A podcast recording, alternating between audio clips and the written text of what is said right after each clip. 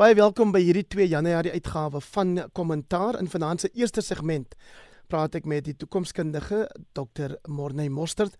Hy is die direkteur van die Instituut vir Toekomsnavorsing by die Universiteit Stellenbosch en ek gaan hom eers vra om vir my 'n bietjie terug te kyk hoewel toekomskundiges se werk mos eintlik is om vorentoe te kyk, maar kom ons begin, Morney, baie welkom by sê nou maar die drie kwessies wat vir jou uitstaan wat vir jou die jaar 2021 definieer.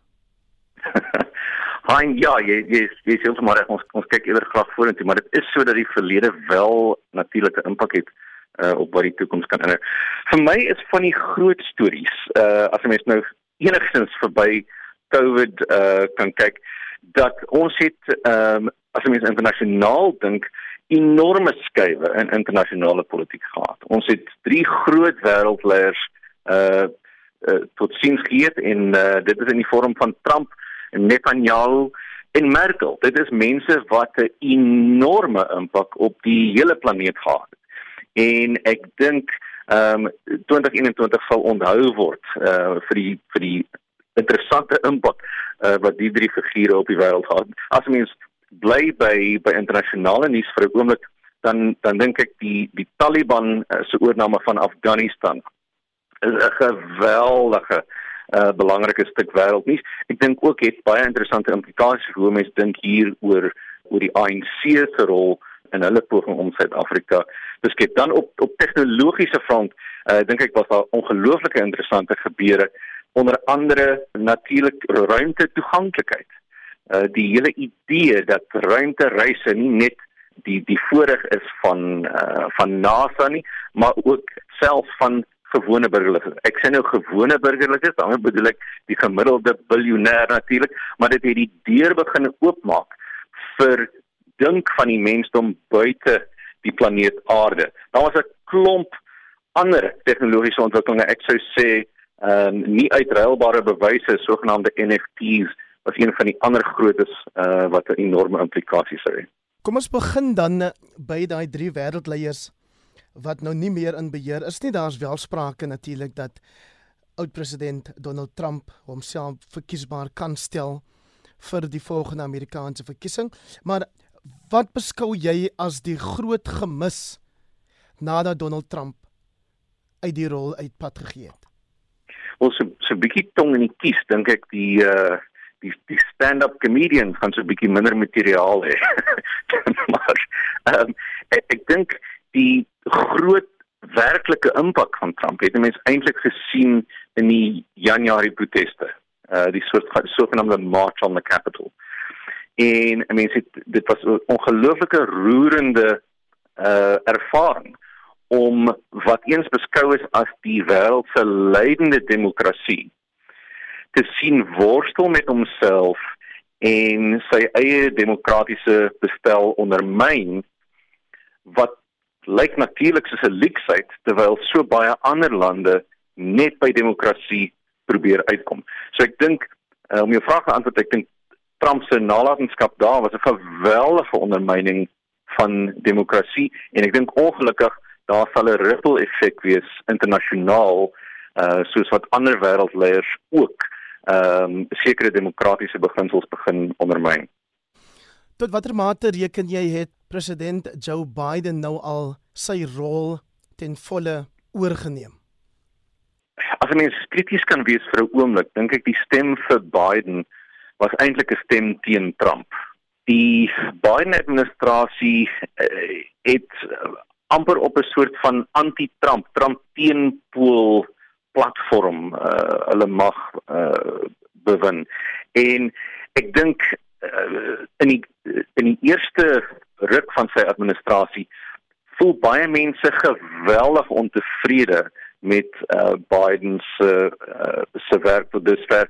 Ek dink daar was enorme hoop. Daar was geweldig ook emosionele hoop. En Biden lyk net nie of hy die tipe energie, die tipe karisma het wat nodig is om hierdie hoogs verdeelde land, wêreldleier land ehm um, vorentoe te neem nie en om die waarheid te sê ehm um, die uh, soort van beoordeling wat die burgers van die FSA van hom het is een van die laagste ehm um, in die onlangse geskiedenis van presidente. En dan oor Merkel wat wat is dit vir min of meer 15 jaar um 'n bepalende rol in die Duitse politiek gespeel het? Ja, wat 'n fascinerende figuur en en werklik 'n uh, 'n historiese figuur. Ehm um, wat Duitsland net eenvoudig ongelooflik gedryf het tot hierdie geweldige wêreldmag. Ehm um, natuurlik is is niemand verhewe bo kritiek nie, maar ek ek, ek dink ehm um, I mean so so kommentaar lewer op Merkel oor 'n paar dekades dat dit 'n ongewone voorbeeld was. Ehm um, nie net omdat omdat sy vrou was natuurlik maar dit is reeds uh, iets ongewoon. Ehm um, maar dat sy 'n uh, 'n soort van ehm um, uiters bestendige ehm um, ekonomies georiënteerde bydrae gemaak het uh tot Duitsland. Ek dink sy het haar eie krisisse gehad met betrekking veral tot uh tot vlugtelinge vanuit ander lande. Ehm um, en en dit het daar so 'n bietjie kritiek gegee, maar ek dink sy sy uh, sy in in werklikheid in die internasionale politieke bestel 'n bestendigheid gebring, amper 'n rustigheid. As mens bietjie krities was, sou jy sê sy was uh iets wat onemosioneel. Sy het uh ehm uh, jy weet uh, mense het moeilik gesien dat sy uit die hart uit praat maar die stabiliteit wat sy verskaf het aan Duitsland aan die Europese Unie en inderdaad ek sou sê in die groter ekonomiese wêreld bestel uh, sal 'n mens vir baie jare nog onder. Het die magsverlies van Benjamin Netanyahu ook bestendigheid in die Midde-Ooste gebring? As ons nader aan 'n twee-state oplossing tussen Israel en Palestina mens bly optimisties hein. Ek ek dink die kont die kort antwoord is ongelukkig nie. Uh, ek ek dink ehm um, dis amper 'n vereiste van politiek uh, in die Midde-Ooste om so bietjie tot die populisme van jou eie land uh, te speel.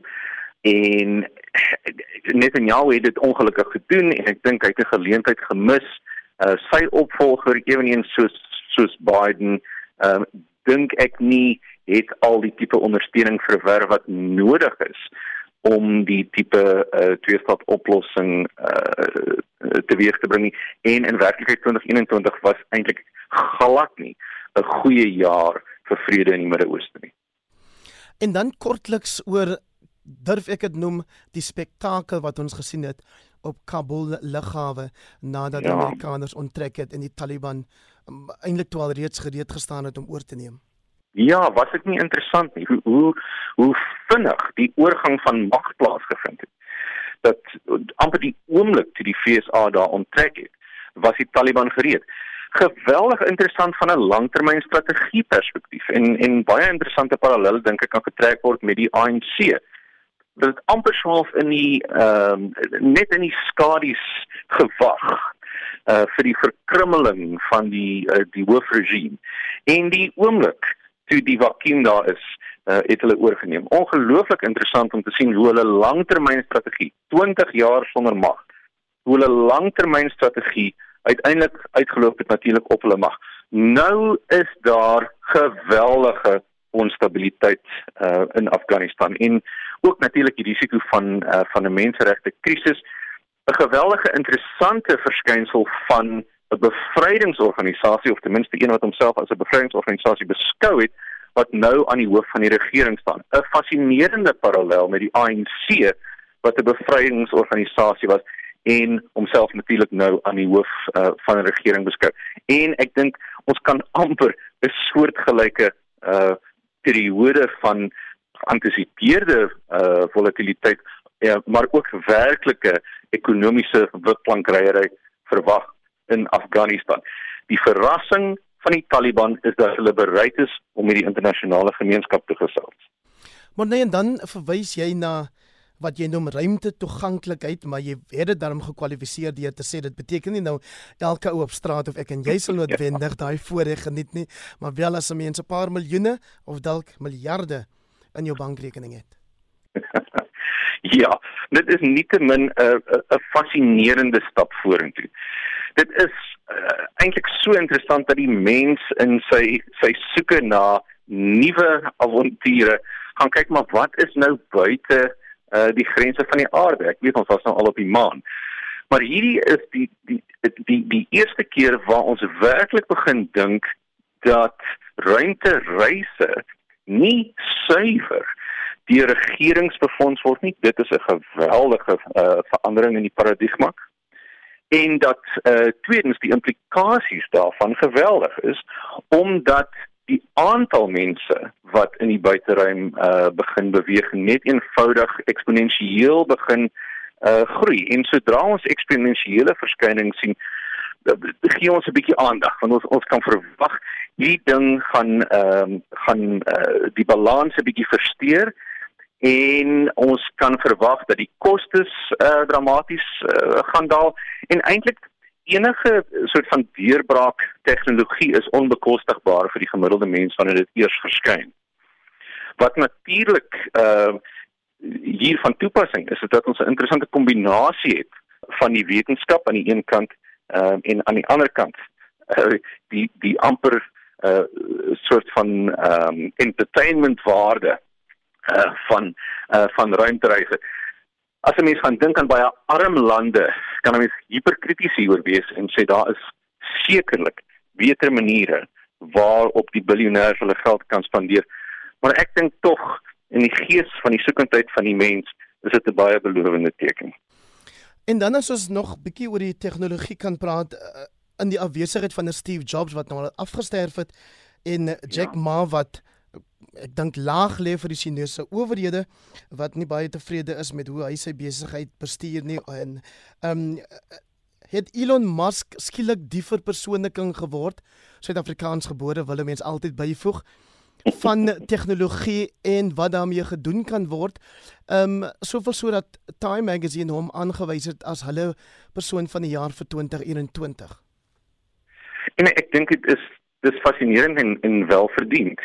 Ehm um, en as mens gaan kyk waar waar aan werk hy, uh, dan dan is hy werklik besig om van die grootste moontlike vrae te vra oor ehm uh, natuurlik ruimtereise wat ek reeds genoem het, maar dan ook alternatiewe energie alternatiewe vervoer ehm um, meganismes en selfs uh, een van sy mees onlangse projekte alternatiewe maniere om te dink oor die brein implikasies vir geheue kennis en dis meer ek dink 'n fascinerende denker en uh, en en welverdiend van Time magazine Morne Mostert is die direkteur vir by die Instituut vir Toekomsnavorsing by Stellenbosch Universiteit en hy het nou eers gejaag dat ons bietjie terugkyk op die jaar wat verby is en nou gaan ek die toekomskundige vra om in sy eie kristal kristalbal te kyk en vir ons te sê wat hy verwag vir die, van die jaar wat voorlê. Kom ons begin met ehm um, die wêreldekonomiese forum Morney wat nou hulle byeenkoms weens die Omicron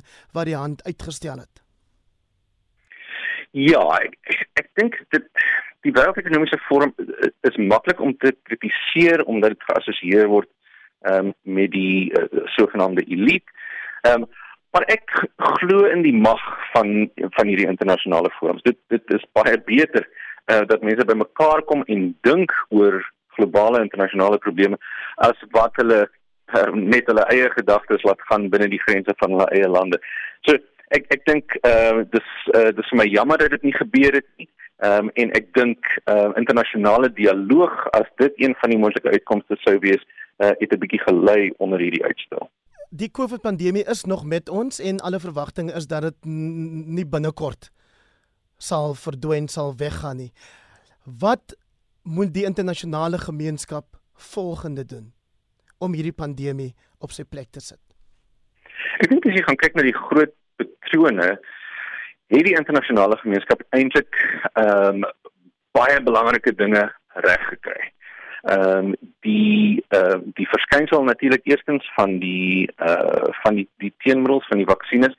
Uh, dit is ek dink 'n ongelooflike wetenskaplike triomf vir die mens dat ons nie meer blootgestel is uh aan hierdie aanvalle deur virusse nie, maar dat ons as 'n spesies 'n manier kry om onsself daarteen te verdedig. Dit dink ek was fantasties. Dan die die uh, verspreiding ehm um, van die vaksinne reg oor die wêreld.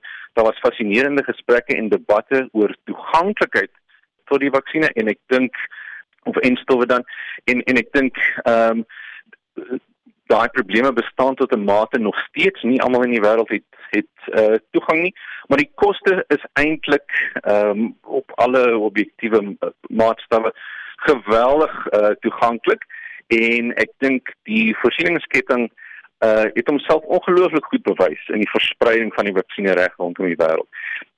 Ek was geweldig teleurgesteld soos baie ander toe uh die Verenigde Koninkryk Suid-Afrika op die rooi lys uh, geplaas het. En ehm um, ek beskou dit as 'n tipe kolonialistiese ondeurdagte reaksie van die Verenigde Koninkryk. Ek ek dink dit is ongelukkig so dat al die soort van stereotypes van Afrika ongelukkig die besluit op 'n geweldige negatiewe manier beïnvloed het en 'n mens het eintlik verwag dat jy 'n baie meer deurdagte wetenskaplike basis vir besluitneming sou kry.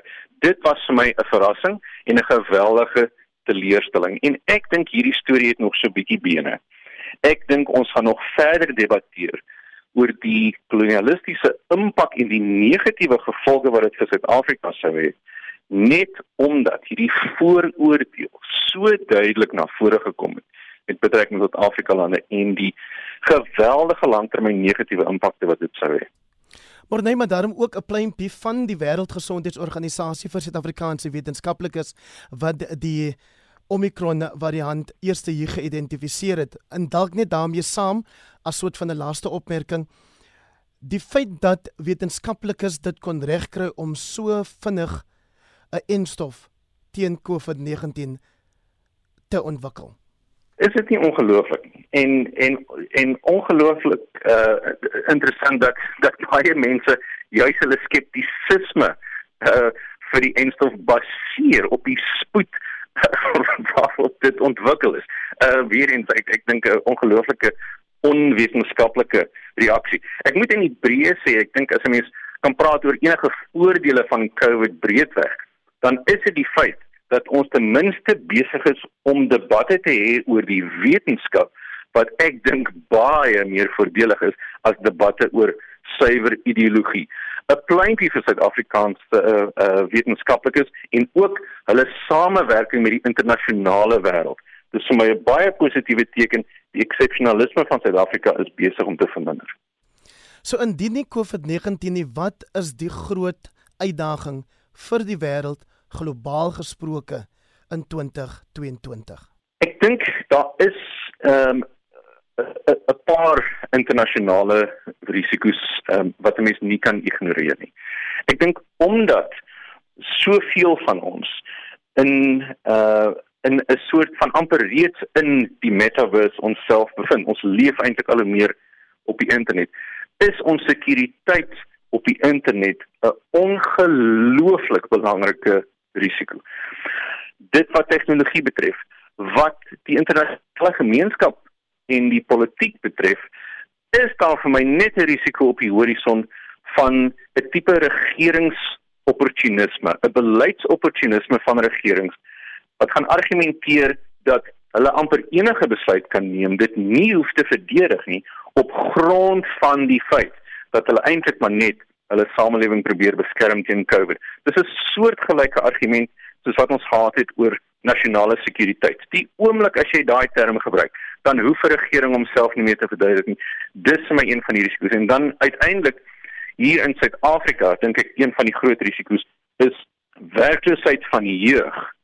Dink ek uh konfronteer ons met 'n geweldige sosiale krisis en die regering sal ongetwyfeld 'n baie direkte poging moet aanwend om te dink wat is die rol van die jeug in die toekoms van Suid-Afrika. Baie dankie Dr. Morney Moster, die direkteur van die Instituut vir Toekomsnavorsing by die Universiteit Stellenbosch vir jou insette en uh, jou deelname aan vanaand se program. Dankie. In hierdie tweede segment van vanaand se kommentaar, die eerste vir 2022, praat ek met dieselfde paneel as verlede week, naamlik Dr. Oscar van Heerden van die Universiteit van Fort Hare Jan Jan Joubert wat 'n bekende politieke joernalis en skrywer is onder meer van die boek gaan ons okay wees. Gaan Suid-Afrika. Okay wees en dis 'n vraag wat 'n mens dalk vir hom ook moet vra oor 2020 vanaand. 2022 goeie genade. En dan saam met hulle Dr Piet Kroukamp uh, van die Noordwes Universiteit se Sakeskool toe ons verlede week se program afgesluit het Jan Jan was jy besig om te praat oor die DA wat dalk 'n bietjie selfondersoek moet doen? Ons weet daar gaan baie baie fokus wees op die ANC hierdie jaar omdat hulle twee konferensies hou en die radikale ekonomiese transformasie uh faksie lyk of hulle nog glad nie klaar beklei is nie. Sê net gou iets meer oor waarom die DA en ander oppositiepartye hierdie jaar ook nou nie te gerus moet raak nie. Ja, jette eintlik goeie naam van die luisteraars en baie baie baie voorspoedige nuwe jaar vir almal. Um ek um sou sê dat as jy um die politiek bedryf, dan gaan dit mos nie net oor die ander nie, dit gaan ook oor jouself. Um as jy nou 'n politieke groepering is.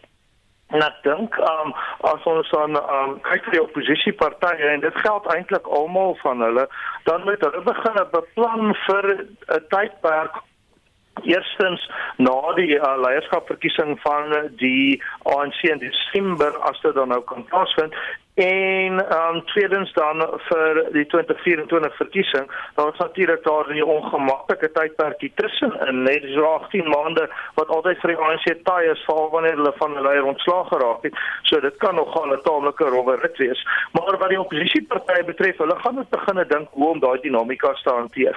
En ek kan nie vir die oppositiepartye 'n pad vorentoe sien as hulle nie op 'n manier die EFF intrek nie. En daarvoor is die DA mos nou geheel en al allergies. Jy weet, hulle is so allergies as wat ek gesprekat daar my oë staan heeltemal toe en ek kan niks sien nie. Dis dieselfde ding daar. Dis 'n nuwe rooi gevaar. En ek weet baie van ons luisteraars die het self daai rooi gevaar gevoel en as jy hom het dan um, het jy hom sterk. Ek meen gaan kyk Suid-Afrika met 1950 tot 1990 uh, in die wit bevolking, waar was daar nie verskriklik baie mense wat teen gespreek het nie. Dis om as 'n waarheid aanvaar en toe was dit nie nie. So, um, ek dink wel dat as die oppositie wil van die geleentheid gebruik maak om die ANC oor wie ons dan nou seker volgende sal praat, se swakhede uit te byt, dan moet hulle onthou, dit gaan nie net oor die ANC se swakhede nie, dis ook die alternatief wat gestel word en in hierdie stadium is daar nie werklik 'n sterk alternatief wat gestel word nie en gaan dit die nasionale leierskap van al die oppositiepartye maar ook dan die DA as amptelike oppositie mooi moet kyk um hoe die toekoms lyk. Piet Kroukamp ons mede deelnemer hier vanaand die sê um as die ANC ontsetel word gaan Action SA daar 'n baie sterk rol moet speel. Ek weet nie um wie gaan die sterkste rol moet wees nie maar my vrees op hierdie stadium is dat dit 'n geval is van daai ou Afrikaanse spreekwoord ek meneer jy meneer wie moet die was meer en dit beteken mense staan en kyk en niemand doen iets nie. Piet in my laaste artikel einde verlede jaar omdat ek ook soms my mond oor die politiek uitspoel in artikels, het ek verwys na 'n uits, uitspraak uitlating deur John Steenhuisen by sy laaste saamtrek uh, in Pretoria. Don't mess around with these small parties. I promise you they are like a one night stand. They will never return your call after the election. They will never pay the bill after the dinner.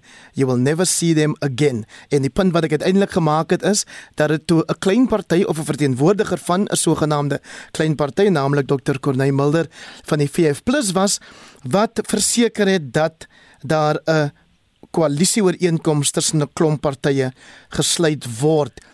Jy het Oscar liewer het nie baie hoop dat hierdie koalisies die toets sal deurstaan nie, maar dan moet sekerlik iets te sê wees oor hoe dat dit uiteindelik, soos wat ek dit ook in my artikel noem, 'n groot jaar vir die klein partye was.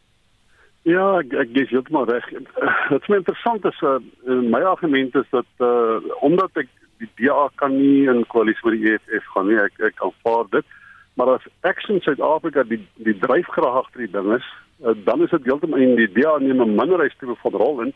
Dan is dit heeltemal moontlik vir die EFF om saam met Action Suid-Afrika uh minstens op nasionale vlak die weet uh, 'n presidentsverkiesing of 'n nasionale verkiesing die president uh, uh, weet aan te wys uiteindelik sny. Maar die die DA kan nie 'n prominente rol speel nie.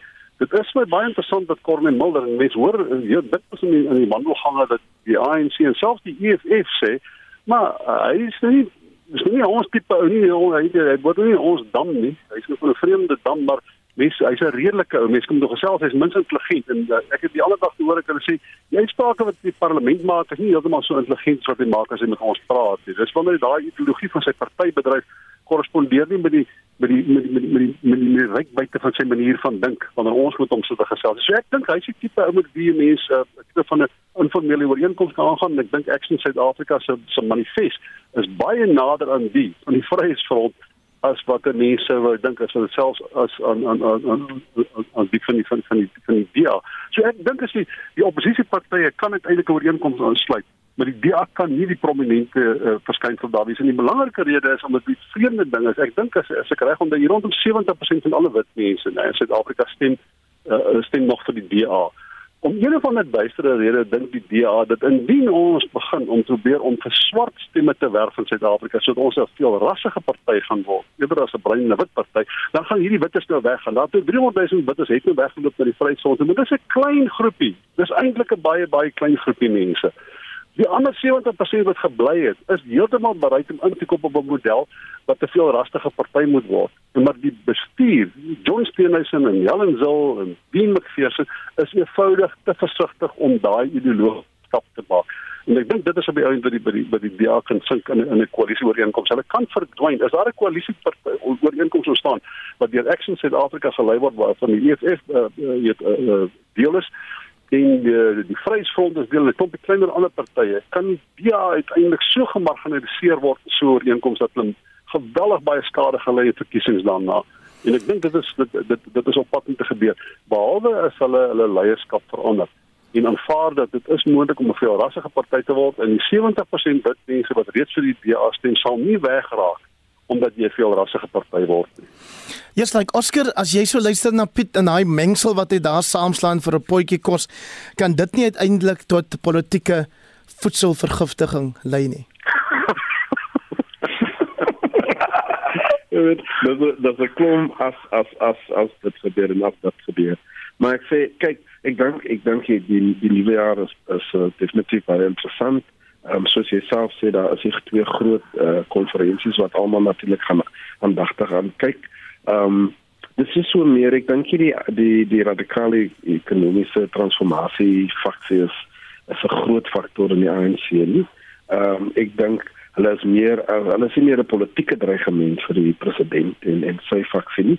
Ek dink hulle is meer as hulle is meer 'n sekuriteits uh, dreigement ehm um, soos ons gesien het ehm um, in terme van verlede jaar se uh, Julie uh, aksie en so voort. Ehm um, ek dink hulle het niks om te verloor nie en hulle is bereid om die hele land in gedwang te te dompel om seker te maak dat som van hulle nie noodwendig tronk toe gaan nie. Ehm um, ek dink hulle het geskrik met die arrestasie van oud president Zuma. Hulle het nooit gedink dit gaan gebeur nie en dis hoekom hulle hulle steen agter hom gooi. En ek kan ook sê dat uh, dis dis die rede hoekom Julius Malema ook gevaarlike politiek speel in terme van hy is baie aktief in ANC politiek en nie noodwendig EFF nie.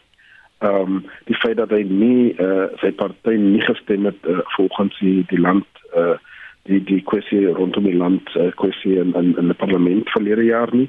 En natuurlik die feit dat hy ehm um, opportunisties en sekere uh, alliansies ingegaan het in sekere munisipaliteite en dis meer.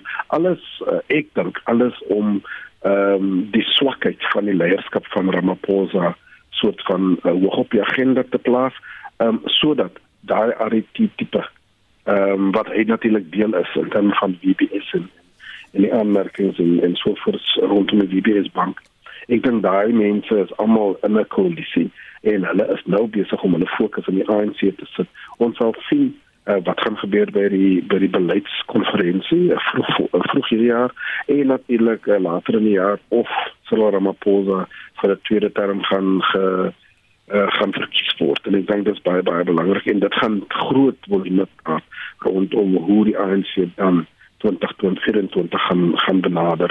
Um, ek kan ek kan sê met 'n sekerheid as Ramaphosa nie terugkom vir 'n tweede term nie, dan dink ek die ANC is klaar. Uh 2024 beteken dit sê dit sê dood van die ANC en dan van mense wat na die na die stembus toe sal kom.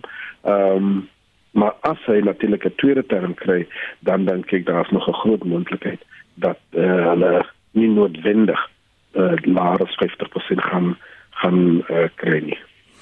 Jan Jan, wat sê jy by jou party se 8 Januarie viering, die 50ste herdenking daarvan, as ek dit reg het, wanneer daar so 'n groot vraagteken oor jou politieke toekoms hang binne jou party en die Januarie 8 verklaring weet ons is gewoonlik soort van 'n voorskou vir wat 'n mens uh, by aan die staatsrede kan verwag, saam met natuurlik besluite wat geneem word by die NEK Nasionale Uitvoerende Komitee van die ANC se Ligotla en ook dan die kabinets Ligotla wat vroeg in die jaar gehou word. Wat dink jy sal Cyril Ramaphosa te sê het? Hoe sal sy as ek nou vir Errol Tobias in sy rugby kommentaar kan aanhaal, hoe gaan sy liggaamsjelling wees wanneer hy op 8 Januarie praat? ja, julle Caledoners, daar met julle jellings, né?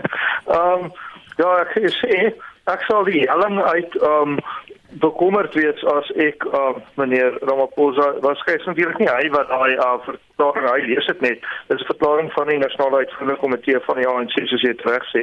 Um en dit word vir hom geskryf en ek hoor Barbara Krisi uh, die moeilike taak gehad om die konsep um voor te hou aan die nasionale uitvoerende komitee einde verlede jaar. Um en so het dit dan nou gekom dat op daardie uh NK vergadering waarmee Ramaphosa weens COVID nie teenwoordig kon wees nie, daar geen besluit eintlik geneem is nie want meneer Mabuza was uh die voorsteur en hy het besluit dat selfs die oorsig oor die verkiesing moet oorstaan baie baie slim om uh, nie hande vuil te kry nie, maar uiteindelik is Johan en die vrou word nie aan werk ook niks nie. So dis die probleem. Nou as ek meneer Ramaphosa of dat die NK van die ANC was wat ek genadiglik nie is nie. Uh, um, dan sou ek eerstens nie vir myself gevra het om om vir hulle te sê wat om te doen nie want hulle is bietjie 'n ander wêreld maar um, ek dink wat ons kan verwag is 'n verskriklike um, positiewe toespraak. Um, geweldige um, ekonomiese groei wat in die vooruitsig gestel word ensovoorts en kom aan Suid-Afrikaners kom by ja um, almal sit aan by um, all hands on deck soos wat meneer Mbeki op die stadium gesê het. Uh, en as ons almal saam staan dan gaan ons ons nie laat onderkry nie ensovoorts ensovoorts. Ons is Suid-Afrikaners. Ja ja ja. Dis min of meer wat ek verwag. Piet as jy kyk na die feit dat die jonge heer Duduzani Zuma as 'n uh, takvoorsitter verkies is en as dat dit gesien beskou is as 'n eerste stap na leierskap van die party. Koop jy in in daai argument of dink jy dit is maar soos wat ek ook gehoop het ek sou dalk vir die Springbokke kan uitdraf omdat ek derde span skrimskakel gespeel het vir Caledon.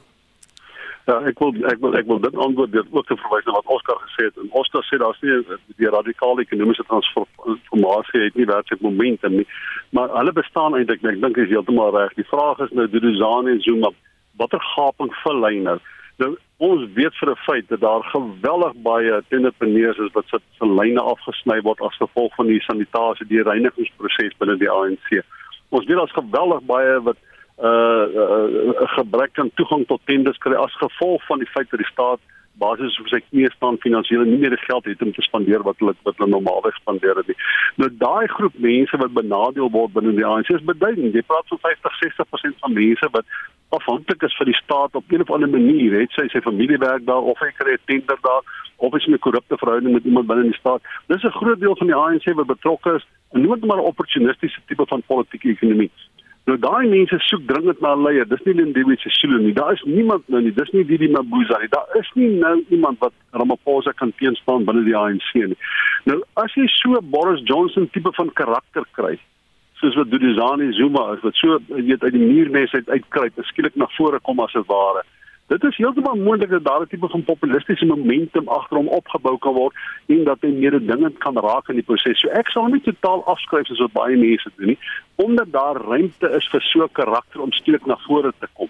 Uh so ek sal ek sal hom dophou, maar soos dit nou is, is daar nie werklik iemand wat Ramaphosa kan teenstaan nie. Wat wel kan gebeur en ek ek dink dit moet 'n mens versigtig voorwees is ek weet die president het nie meer die energie vir 'n tweede termyn nie. As hy kon kies, sou hy weggestap het. As die prys van wegstap nie so hoog was nie.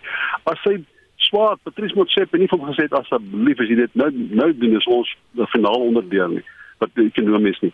As daai tipe van druk om nie gaan oortuig om te staan het, sou hy nou weggestap het. Hy's moeg, siek en sat vir vir vir die politieke proses. So ek dink mens moet versigtig wees om Dudizani Zuma heeltemal af te skryf, want die opportuniste, die korruptes, die tenderpreneurs Hulle is dringend baie dringend op soek na een of ander vorm van samebindende uh fenomeen of individu wat hulle minstens 'n teenwoordigheid kan gee by 'n leierskapskonferensie. Oskar, kom ek vra jou dan nou. Die Zondo-kommissie se verslag, die na staatskaping, is toe nou nie gister aan die president oorhandig soos wat aanvanklik beplan is nie nadat regter Zondo einde van die jaar gevra het vir nog uitstel van so 2 maande of wat dit ook al mag wees. Het jy vertroue dat daai verslag 'n behoorlike een sal wees? Dat Suid-Afrikaners nie daarna gaan kyk en sê ag wat nog net 'n kommissie, nog 'n klomp geld wat gemors is en daar sal niks kom van die inhoud van daai verslag nie. Ja, kyk, en voor net voor ek by die verslag kom, uh Heinrich, ek wil ook net graag net sê rondom die design. Ehm um, weet daar is natuurlik ook 'n interne proses in die ANC. Uh jy weet die feit dat jy nou president wil word, uh, beteken jy gaan nie. Ehm um, eerstens moet jy 5 jaar lidmaatskap hê van die ANC on ongebroke. Sien jy heeltemal seker op te doen aan nie al weet dat het nie. Uh, tweedens moet 5 provinsies vir jou nomineer om om die enige kaart te kan wees en ek weet nie of dit dit daai ondersteuning noodwendig gaan kry nie. En laastens al word jy genomineer van die vloer van die konferensie moet meer as 2/3 van die vloer jou ondersteun. So ek dink dit is 'n baie moeilike taak voor hom toe, maar enigiets kan gebeur natuurlik in 2 en 'n half jaar, maar ek dink dis dis dis dis ja, ek dink dit is 'n baie moeilike 'n moeilike uh, aspirasie wat wat wat die design het. Maar om te kom na die sondekommissie toe, ja, kyk, as as en ek, en ek stem saam, as die sondekommissie se verslag op die tafel gaan sit en stof gaan uh, uh, kry, um, gaan dit beteken dat mense hulle hulle vertroue in die in die staat gaan totaal verloor. Um en natuurlik in die feit dat dat hulle gaan definitief sê Cyril Ramaphosa het, het gefaal in sy taak om uh saam met korrupsie op te slaan.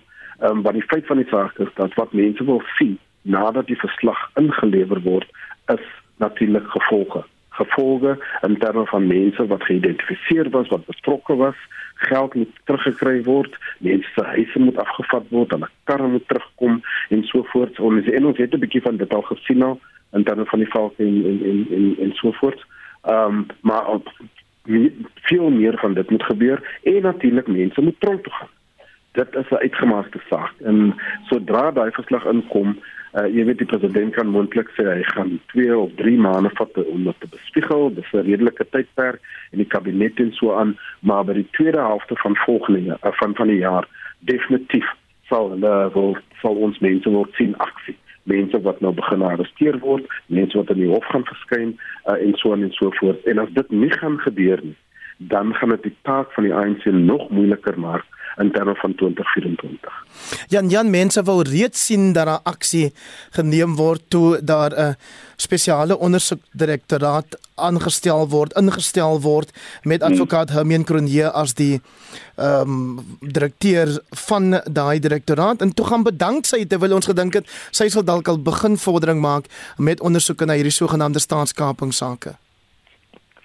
Ja, dit was baie teleurstellend, daar's duidelik baie dinamika staan Um en en ja, nee, um, die staatsinstellings moet eenvoudig versterk word. Dit moet versterk word met mense wat kwam is en kan vasbyt en nie met mekaar gaan stry nie ek weet nie wie is skuldig en onskuldig en um wie se skuld is dit dan nou dat daar stryde in die vervolgingsgesag was nie stel of die belang nie. Um die mense moet moet dit uitstyg en hulle werk doen.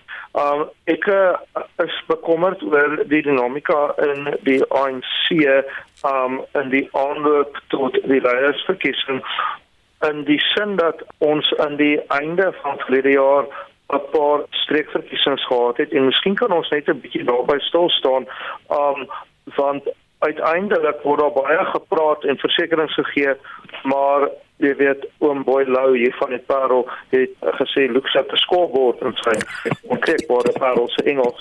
En um as ons kyk wat gebeur het in die Wembley streek in Limpopo en in die Sekhunie streek in Limpopo, is groot streke daai veral die Sekhunie streek, nee, dis die ou Leboorthuis van daarso, um rondom Leboorgommel en uit tot by Burgersport en daai hele plat area daar suid van Polokwane.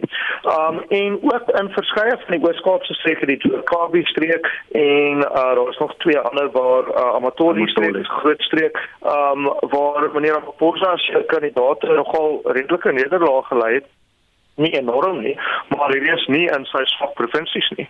Hy het wel eens waar oor Tambo um, het sy kandidaate gewen dis die ou Transkei, maar uh, as dit vir hom so lyk in Popo en die Oos-Kaap dan weet ek nie wat die prognose is in die Vrystaat Noordwes en Gauteng waar hy um, groot moontlikheid het en dan natuurlik daai klein provinsie KwaZulu-Natal nie.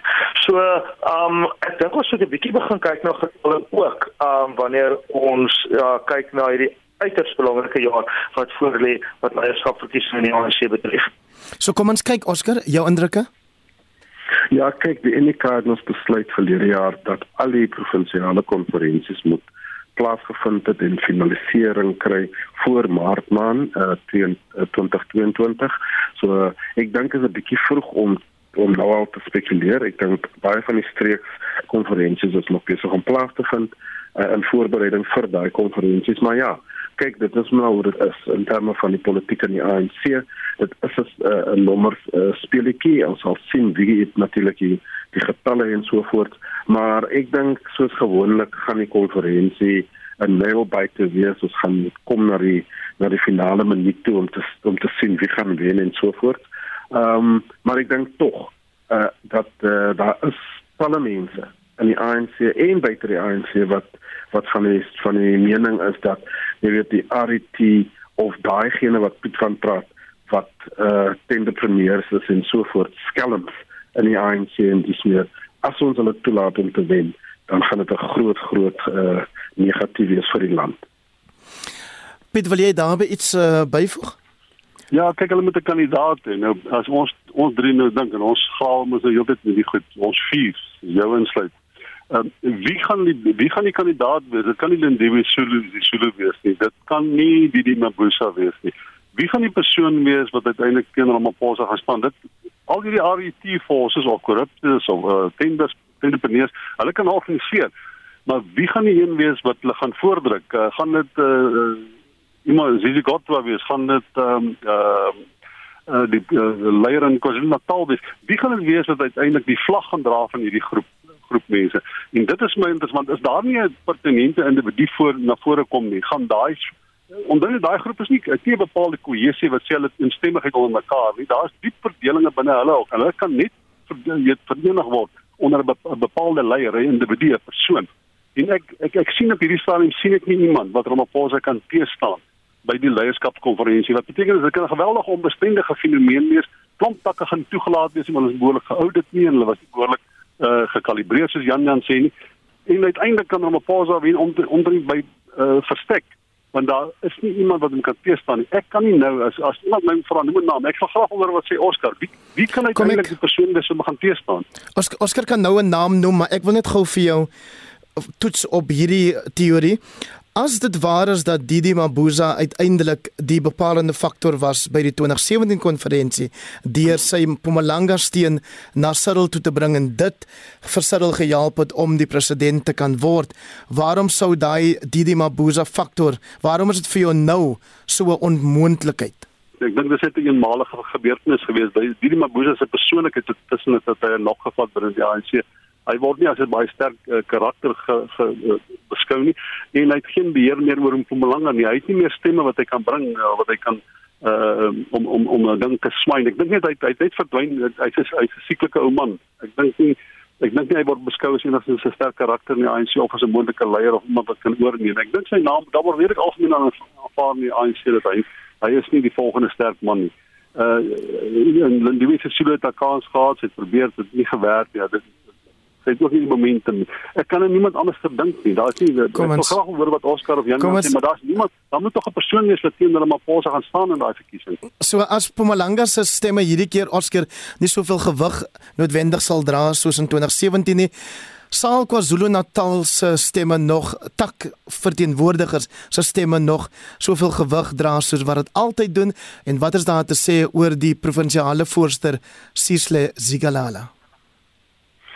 Kyk so so sê self weer daai rigte hierdie groot provinsies in die ANC uh, histories gesind was mos maar altyd uh, KwaZulu-Natal ehm um, dit was uh, Limpopo en natuurlik die Ooskaap. Dit was altyd die, die drie groot provinsies met die groter getalle na konferensies toe.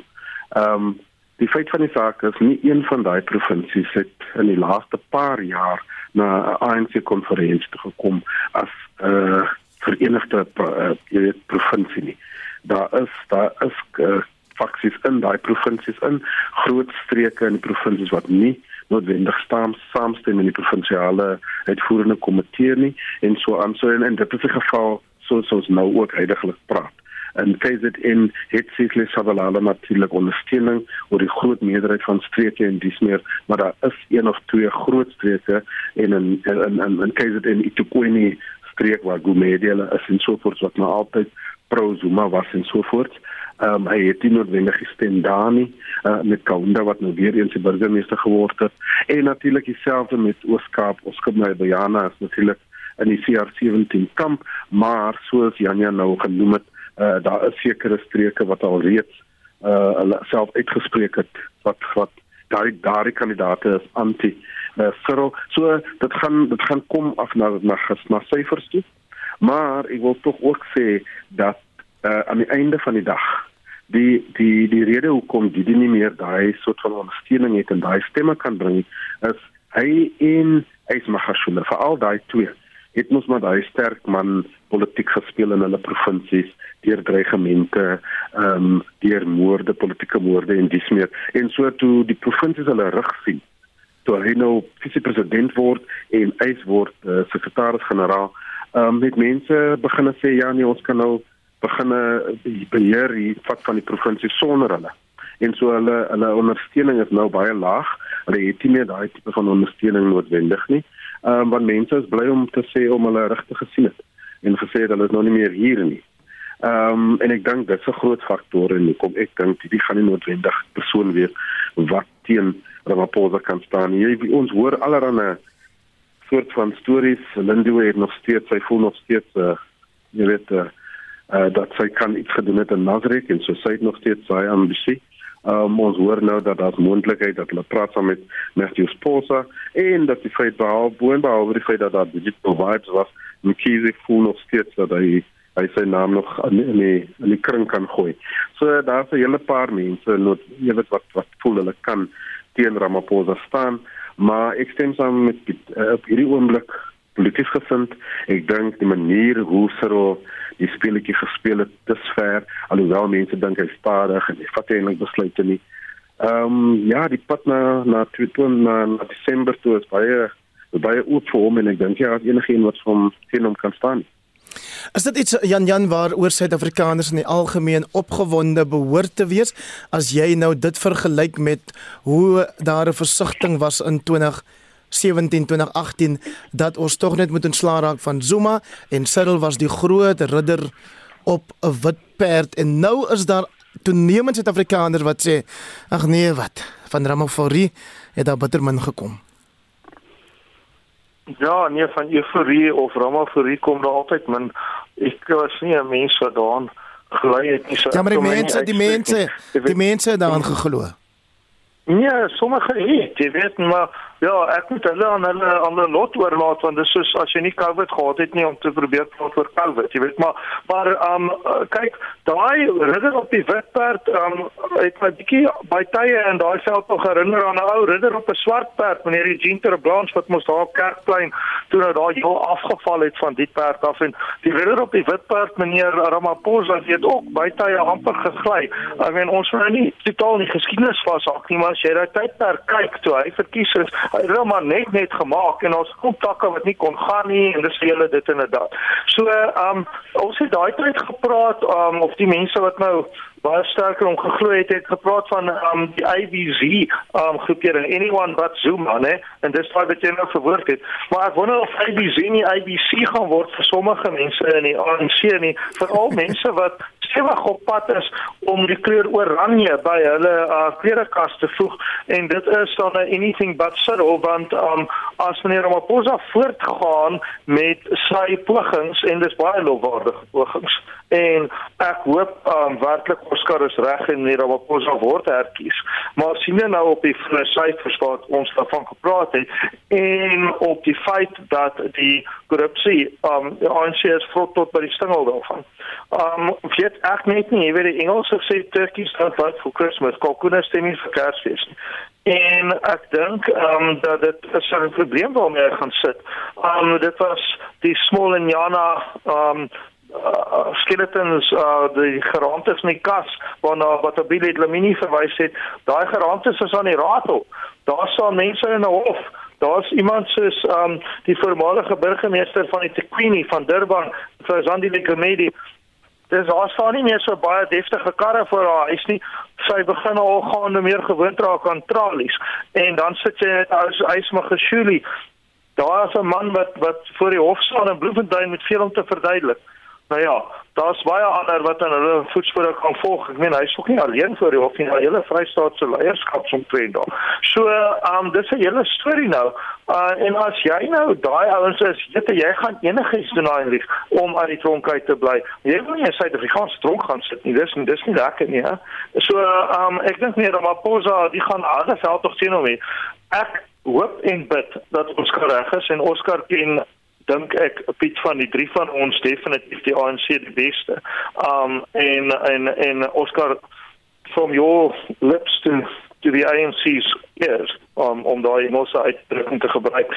Um maar uh ek hoop jy's reg maar ek weet nie of of jy gaan reg wees nie. Ek weet ook nie of jy weet of jy gaan reg wees nie. Piet Oscar, wat dink jy? Well, ek ek, ek, ek, ek, ek dink Oscar het sonder reg op en baie opsit. Ja, ek is een van die ouens gewees wat geweldig baie hoop vir hom op ons gehad het. Ek moet vir jou sê, stel jy net voor as Jacob Zuma nog steeds die president is waar ons dan was. Uh dit sou 'n baie baie ander plek gewees het. Uh uitmagasjoene sou nie naaste by by die dronkdeure gewees gewees nie. Uh die Mabuza sou nie gemarginaliseer gewees het. Jy kan maar kyk wat gebeur het met die EFF.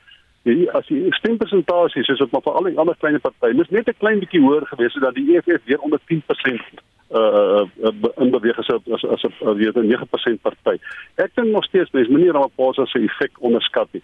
Dit beteken nie hy die ANC reggerig of die land reggerig nie. Al wat ek sê is dit onder ons het soos 'n klip geval. Ek dink in 'n groot mate het hy minstens die val van die klip wat hy verstadig en ek dink nie daar's enigiemand anders wat dit sou kon doen nie. Hy die momentum van die van die van die chaos, dink ek het hy daar minstens 'n bietjie gebruik en ek dink hy het 'n klomp baie goeie goed gedoen. Nie alles werk altyd uit nie.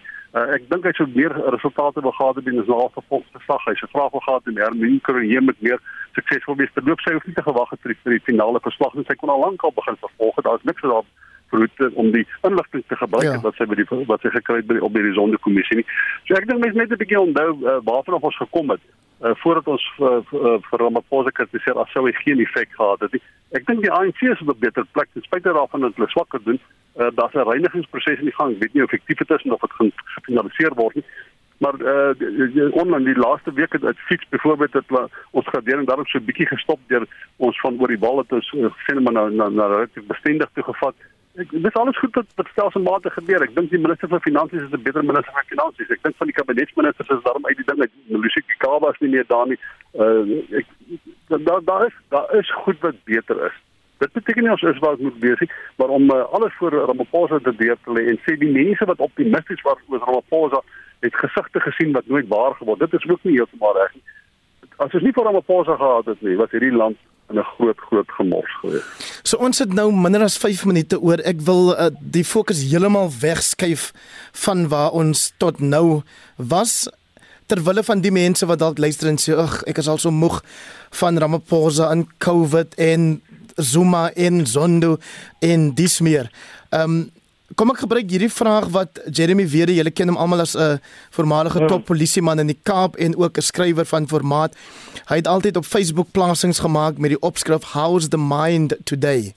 Hoe is die gemoed van Suid-Afrikaners hier aan die begin van die nuwe jaar en hoe dink julle sal dit vir die res van die jaar wees?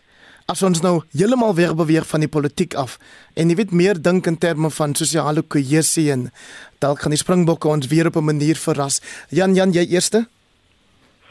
Ja, ek koop dat die koninkryk van KwaZulu-Natal se Sharks rugby span wederopstanding het soos nog nooit tevore nie. Um maar uh maar ja, dis meer hoop as as as wysheid is ek bevrees. Um kyk ek dink 'n uh, hele kwessie van hoe mense voel in maatskaplike binding of sosiale kohesie, um dit hang van die individu af. En ons uh het nogal baie gesprekke daaroor hier waar ek nou woon in Parel in um Drakensberg munisipaliteit rondom hoe om dit reg te kry want dit is 'n uh, goeie munisipaliteit is 'n wonderlike area, is geweldige ongelykheid en ontevredenheid by sommige mense, baie mense dat hulle hulle is net gewoon nie so goed af soos van die ander mense hierso nie. En daai mense is heeltemal reg. So ek dink maatskaplike binding of sosiale kohesie is iets wat 'n mens um by wat by die huis begin en by jouself begin en wat nie noodwendig 'n totaal wederkerige proses is nie met ander woorde. Um jy doen wat jy kan en jy vee voor jou eie deur. Jy weet daai ou wat jy wil hê almal anderster moet wees, eerder om te wag vir almal anders om daar persoon te word. So um ek hoop dat ons luisteraars in hulle diversiteit en op hulle plekke en in hulle huise veral, nê, in gesinne, maar ook elders dat jy voorbeeld by jouself plaas en weet jy as jy bietjie goedheid daar buite sit. Dis ek wonderlik hoe dit ja. kom na jou toe. Sien hoe kom jy dit daar buite? So kom kom ons bewys nou van daai fenomenale vermoë om om om goed te om goed te doen ook. Laat ons nou van daai goedheid ook vir bewys teenoor Oscar en Piet, julle het elkeen 1 minuut om vir ons te sê hoe dink julle gaan die gemoed van die land wees in die komende jaar? Oscar? Ja, kyk, ek meen gewoonlik is dit dinge wat mense se sakke persoonlik affekteer en dit beteken mense soek hulle hulle dignity, uh, werk moet geskep word, die ekonomie moet nie fokus wees vir 2022 en dit is die enigste manier wat ons sosiale cohesion in disneer kan kan hê uh, wanneer mense gelukkig is en hulle voel hulle werk en hulle kan hulle kop hoog hou. En ek dink dit is baie baie belangrik. En ek dink die tweede ding is ons wat het die mense wat in die middelklas is en natuurlik die die bourgeoisie in Suid-Afrika moet ook aktiewe burgerliks word of moet ophou om te sê die probleem van sosiale ongelykheid is 'n regeringsprobleem. Ons moet meer aktief word. Ons moet praat van 'n welvaart eh uh, eh uh, belasting moontlik en natuurlik ook sekere toelaag vir die armste van die, van die land. En ek dink dis baie baie belangrik. Piet, kom ons hoor 'n laaste woord van jou oor die gemoed van Suid-Afrika in die jaar 2022 van ons nuwe jaar. Wel, ek ek ek is bang om namens mense te praat dat 46% van die mense in Suid-Afrika werkloos is uh die middelklas waarna Oscar verwys is van die hoogste belaste middelklas in die wêreld. Ek ek weet regtig waar nie hoe jy nog kapitaal uit daai uit gaan kry sonder om nie meer te druk nie. Uh die ouens wat baie geld het in Suid-Afrika het reeds land uitgevat. Ek dink ek dit gaan nie goed met ons. Dit help nie ons ontken dit probeer onsself beter te voel dit is wel fantasties ons is. Nie. Daar's baie resilience in ons vermoë om onafhanklik van die staat te voortbestaan. Die informele ekonomie bestaan onafhanklik van die staat. 'n Groot deel van die van van arm gemeenskappe bestaan ten uh, bestendig ten spyte van die staat. So ek dink ons kan na onsself kyk, maar die feit bestaan is ons word verskriklik in die steek gelaat en as ons hierdie Kersfees ingaan met 46% van mense wat werkloos is, 'n pandemie wat hier is en die vooruitsig vir ekonomiese groei is omtrent niks nie.